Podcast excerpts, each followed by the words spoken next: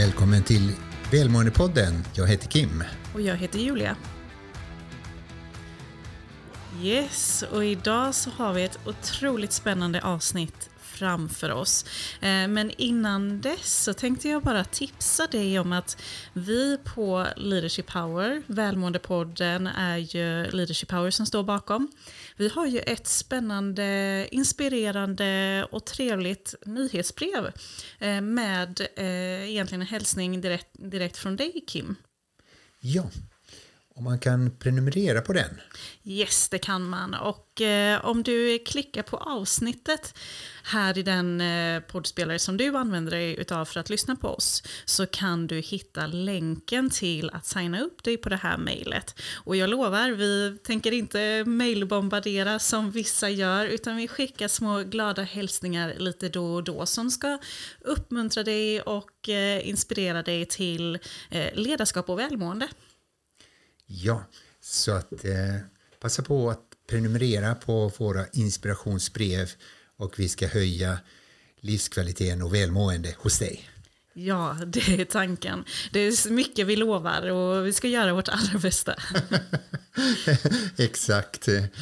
Vi har något spännande på gång. Vi har träffat Robert Biswas en av de ledande coacherna i världen idag coacher och forskare. Och han, han är ju en otroligt eh, intressant person just för att han har den här ifrågasättande inställningen som gör att man liksom byter perspektiv och, och verkligen på riktigt inspireras av vad han har att säga och dela med sig utav. Och eh, vi ska lyssna på intervjun. Vi har det i två olika delar eh, för att han hade så mycket att säga. Och du Julia, du var i Sverige, jag var i Spanien och Robert var i USA. Och eh, ändå kändes det, precis som vi hade suttit i samma rum, en underbar, fantastisk kille och en enormt duktig forskare. Ja, verkligen. Så nu håller vi inte på det längre utan vi kör igång intervjun. Uh, we are really happy to have you here. Thanks so much for having me. I, I really appreciate being here. Yeah. You're known as the Indiana Jones of positive psychology. How come? well, I think it's important for people to know that I never said that about myself. That that that's what someone else said. It's not the kind of thing you go around telling people. Um, when I first started in happiness research, I was interested in getting out of the laboratory. I didn't just want to work with university students, although university students are also good people. Um, and I was interested in finding out about the happiness of groups that had been traditionally overlooked by psychologists. So um, I worked with sex workers in Kolkata, for example. I worked with um, Inuit hunters living at the northern tip of Greenland. Um, worked with Palestinian and Israeli peace protesters who were in collaboration with one another, uh, just many different groups that were kind of spread around the world. It's really what any anthropology student would do, right? Just traveling and, and visiting a culture. But in psychology, it's um, a little more unusual. So I think that's where the name came from. That's amazing. So, what were your main findings from your travels?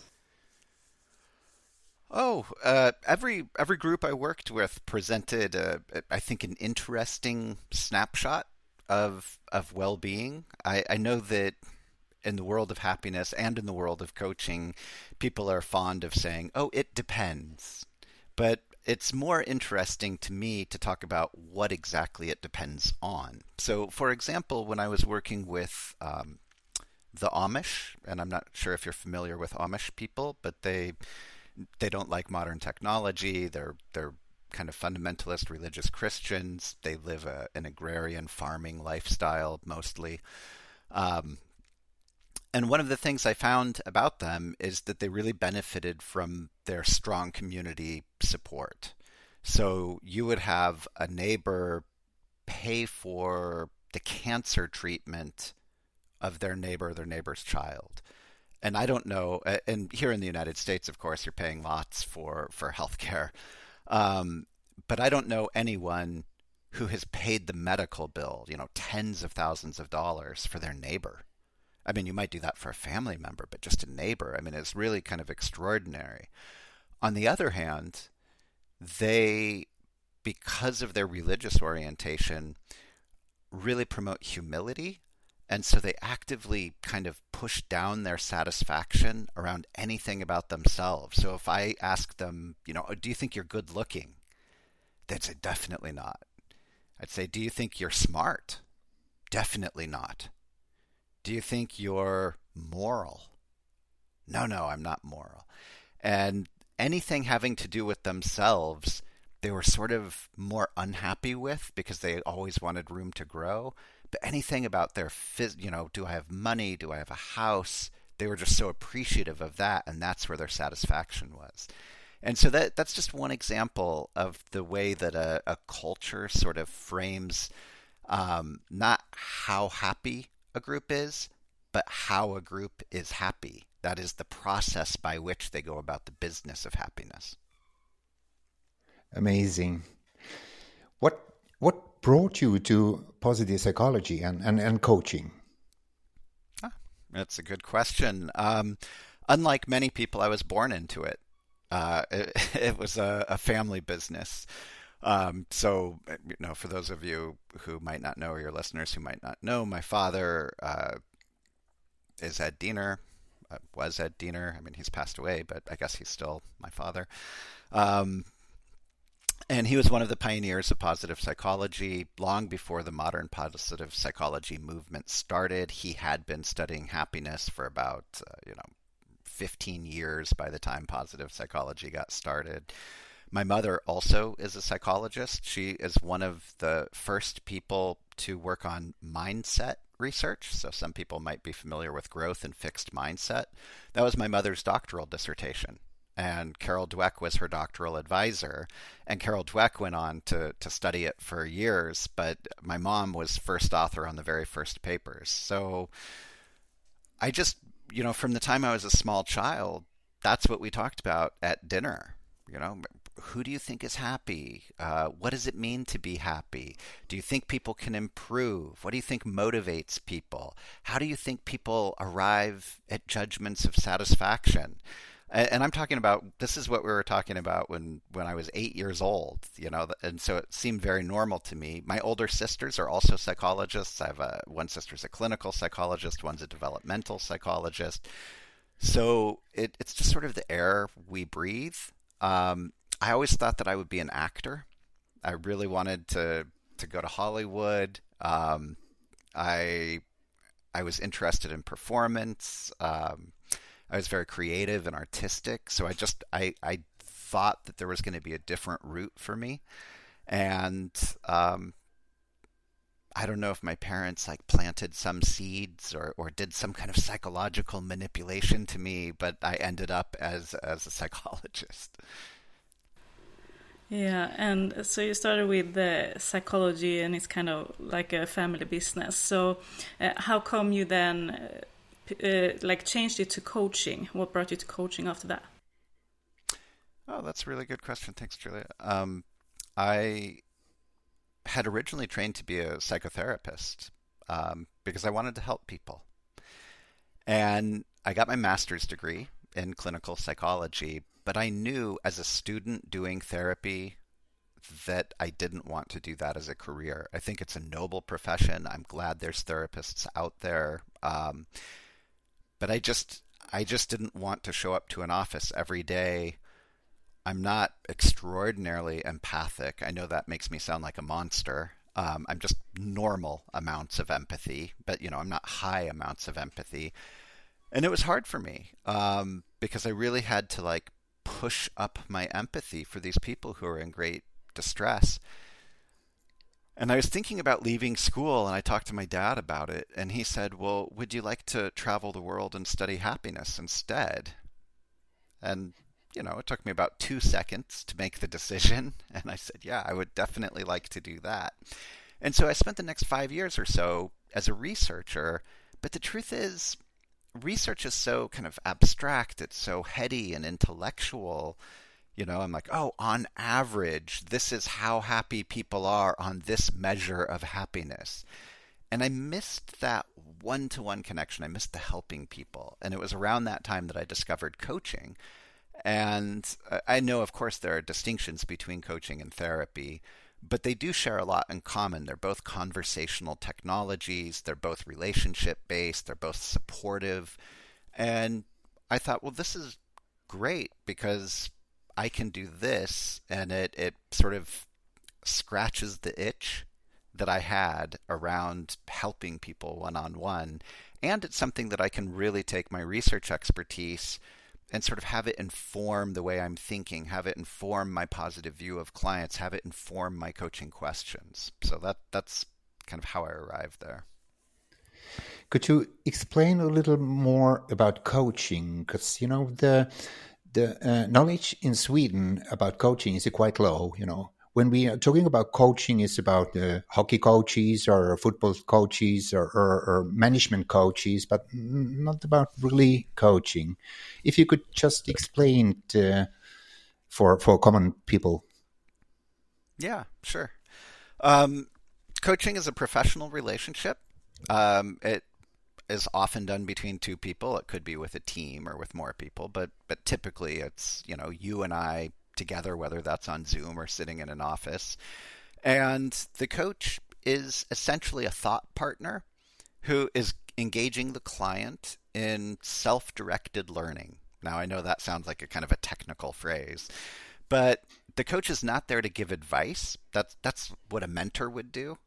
Um, the coach is really there just to create a space where the client can explore themselves. So if you saw me coach, you'd mostly see me asking questions, you know, and, and let's say you have a goal in business, whether that's I want to get a promotion, I want to be a better manager, I want to have better work life balance, I want to take care of my health even though I'm working hard, whatever it is.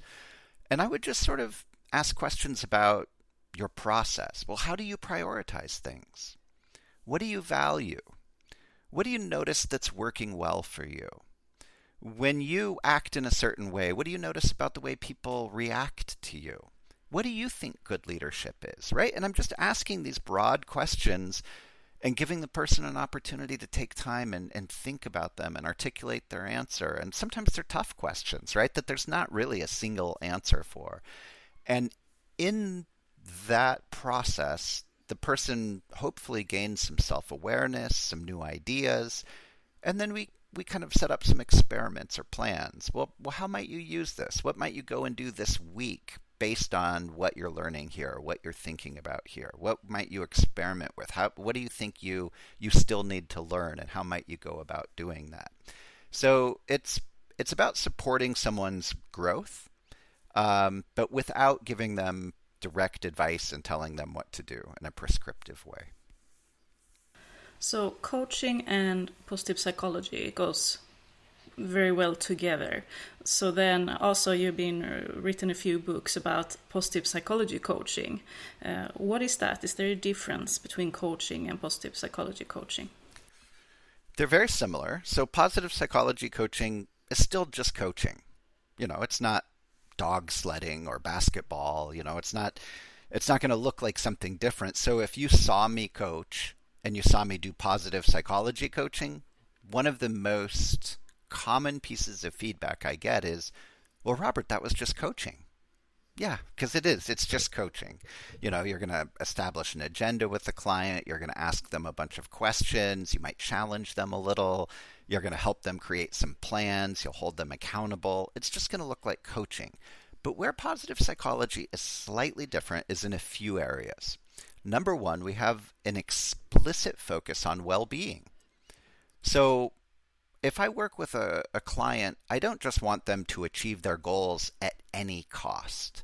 That at any cost might be too large of a cost. So I might wonder about what is the cost to your well being? What's the cost to the well being of your family? What's the cost of the well being of your team? So that's just one of the lenses we would use. And sometimes that's a little more explicit with positive psychology coaching. One other thing is we're informed by science because positive psychology is a science, and science is a, a dynamic system of knowledge. So it's always changing.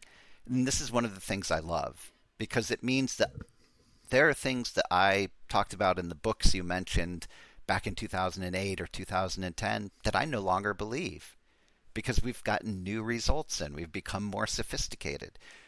So it's to me almost a form of intellectual humility that you would be able to cast aside old ways of thinking and update your thinking based on, on science. But that also means that you have to keep abreast of new developments in science. And then the final thing I would say about that is that the, the science of positive psychology informs the frameworks, the mental frameworks I use with clients. Not that I'm teaching the clients, I'm not, you know, turning to them and saying, "Oh, Kim, let me explain some research to you or prescribing an intervention or something like that. It's invisible to the client. I'm just thinking about some studies in my head and it comes out in the form of a question. It, it's just guiding how I am with the client. Awesome. Really awesome. Uh, I'm familiar with the psychological uh, capital psychological uh, safety as well. We are talking about psychological safety in Sweden right now quite much, but not about you know the psychological richness. And you have been talking about that uh, uh, a while. tell me more about that. What is psychological richness? Sure, I'm gonna give your listeners just a quick crash course in happiness. It'll take 60 seconds.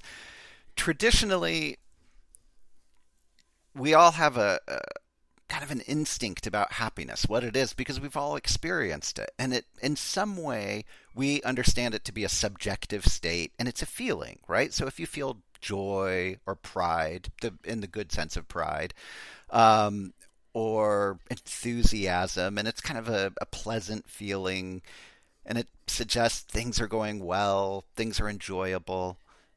Well, that's at least part of happiness, but that not might not be all of happiness. And we tend to call that hedonic happiness um, from hedonia, you know, the the Greek meaning you know pleasure. And so pleasure is an important part of happiness, but I think many people are uncomfortable with the idea that happiness is just only seeking pleasure. And so we have another portion of happiness that we think of as sort of meaning making. Are you living intentionally? Are you living a purposeful life? Are you making a positive pro social impact? Are you a generous person? Even though generosity might not always feel good to you, it might feel kind of icky because it's self sacrifice. And we call that eudaimonic happiness from the Aristotelian word eudaimonia. I'm I it wouldn't have been my preference to use these ancient Greek words. I would have just liked to say something that everyday people uh, might understand a little better. But you can kind of look at it as sort of, you know, joy on the one side and meaning on the other. But does that capture all of happiness? I think it does not. And recently, by which I mean over the last four years or so, researchers have talked about this concept, psychological richness are you living a rich life? So you could have someone who lives a very clearly meaningful life. They run a charity, they're helping the world, they go in every single day, uh, you know, they work the same hours, they drive, the, you know, to work the same way. They're making an impact. And you'd say that's an important life. And it may or may not be a joyful life, depending on if they enjoy the work. But is it a rich life? Is it full of novel experience and variety? Maybe not, not in the way I described it. So imagine someone, for example, who joined the army at age 18 and then their experiences in the military really kind of opened their eyes to, to world culture because they were stationed overseas and they got into photography. And so when they get out of the military, they become a professional photographer and they're working for news agencies. And then from there, they become an interviewer and they, they start working for magazines. And then you know they're very successful and at the end of all of that they decide kind of for the third chapter of my life i want to start a small charity and, and help people in my community you'd say that's a really rich life.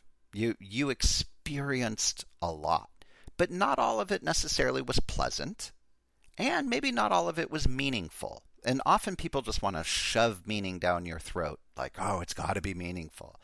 But you know, I, I know someone who surfs a lot, And I think he just thinks it's fun. I don't think he's like, oh, what a great growth opportunity for me. This is so meaningful. I think he's just like, surfing's great. I enjoy it. And that's okay. So, what we get with psychological richness is sort of a third dimension, which is the variability of life, the, the novelty of life, whether or not it's enjoyable or meaningful. And I think a, a great life would have a little bit of each. It would be a little bit joyful, a little bit meaningful, and a little bit rich, a little bit varied. And what that proportion is will probably differ from person to person based on our own preferences and personality. Psychological richness, that's really a great concept, I would say. Uh, it makes you understand the different perspectives of uh, what brings you well being. Um, I've been listening to a few interviews with you before, and I heard you a few times say that you love science. So, if we go to coaches and science, do you think a coach need to know about science uh, in any way? That's a sticky question, uh, and I like it. Um, look. Ja, det var verkligen en lurig fråga. Och eh, svaret på den så ska vi då vänta till nästa gång. Ja, så du har verkligen något spännande att se fram emot där. Men jag kan tänka mig att redan nu så eh, kanske du har fått upp ögonen för Robert och vem han är och hans bakgrund och också vad coaching är om du inte riktigt hade koll på det sedan tidigare. Vad intressant att växa upp i en familj eh, där båda föräldrarna är forskare och eh, också en syster som är också psykolog och eh, in i detta eh, kasta sig ut och resa världen runt och studera lycka kyrkan i olika eh, religioner och olika sammanhang. Rätt fantastiskt. Ja, man kan ju tänka sig vad mycket han har fått uppleva och det som är så spännande är att han också omvandlar det här till att eh, eh vi faktiskt ska få till oss kunskap som kan användas i syfte att eh, vi ska utvecklas som eh, personer. Och eh, Robert är ju verkligen tillgång till i vetenskapen om positiv psykologi. Han eh, har ju väldigt mycket att ge och han har skrivit väldigt mycket både artiklar och eh, böcker inom ämnet. Och om du tyckte att det här var intressant och spännande och eh, om du som lyssnar faktiskt har rollen som coach eller ledare så är det ju så att vi har en bokcirkel, eller en samtalsgrupp som träffas. Eh, nu har vi haft två träffar under våren, vi ska ha i alla fall minst två till. Eh, och nästa är då den första mars klockan 12. Eh, och eh, senaste träffen så pratade vi om just det här med att provoceras positivt och eh, koppla till hans bok Positive Provocation. Så om du som lyssnare vill vara med i den här gruppen så kan du kika i länken på avsnittsbeskrivningen här för att eh, signa upp dig och få inbjudan, för vi kör ju det här digitalt. Och det var så intressant, förra gången så var det en som pratade med oss efteråt och kände att det här är ju någonting som verkligen har fattats. Eh, ett forum där vi möts som coacher och ledare och faktiskt börjar utmana våra perspektiv och tankar på vad coaching ska vara för någonting och vad det är för någonting. Eh, så det här var otroligt givande diskussioner som eh, eh, vi alla som var med och delade med sig av omkring just coaching och hur vi når våra kunder och klienter på bästa sätt. Och det är ett väldigt bra sätt att samtala med varandra om innehållet i boken men också socialisera med varandra och lära känna andra coacher i samma bransch. Verkligen, det är givande på så många olika sätt. Så att eh, om du får upp tanken att men det här skulle jag vilja vara med på, eh, kolla i länkarna eller skriv direkt till eh, Kim eller mig och så hjälper vi dig om hur du eh, kommer med i den här samtalsgruppen. Och du kanske tänker så här att jag är inte utbildad coach. Vi har ju ett antal som är med där som inte är utbildade coacher men jobbar som coachande ledare i, i sin verksamhet och, och de har också märkt att det här ger väldigt mycket. Ja, och det blir sånt otroligt fint utbyte där coacher och ledare emellan. Så ja, signa upp dig om du inte redan har gjort det. Och vi ser fram emot eh, fortsättning på intervjun med Robert Biswas-Diner. Ja, det blir nästa avsnitt. Så se till att trycka på prenumerera-knappen och vill du höra av dig till oss så når du oss på vår hemsida www.leadershippower.se.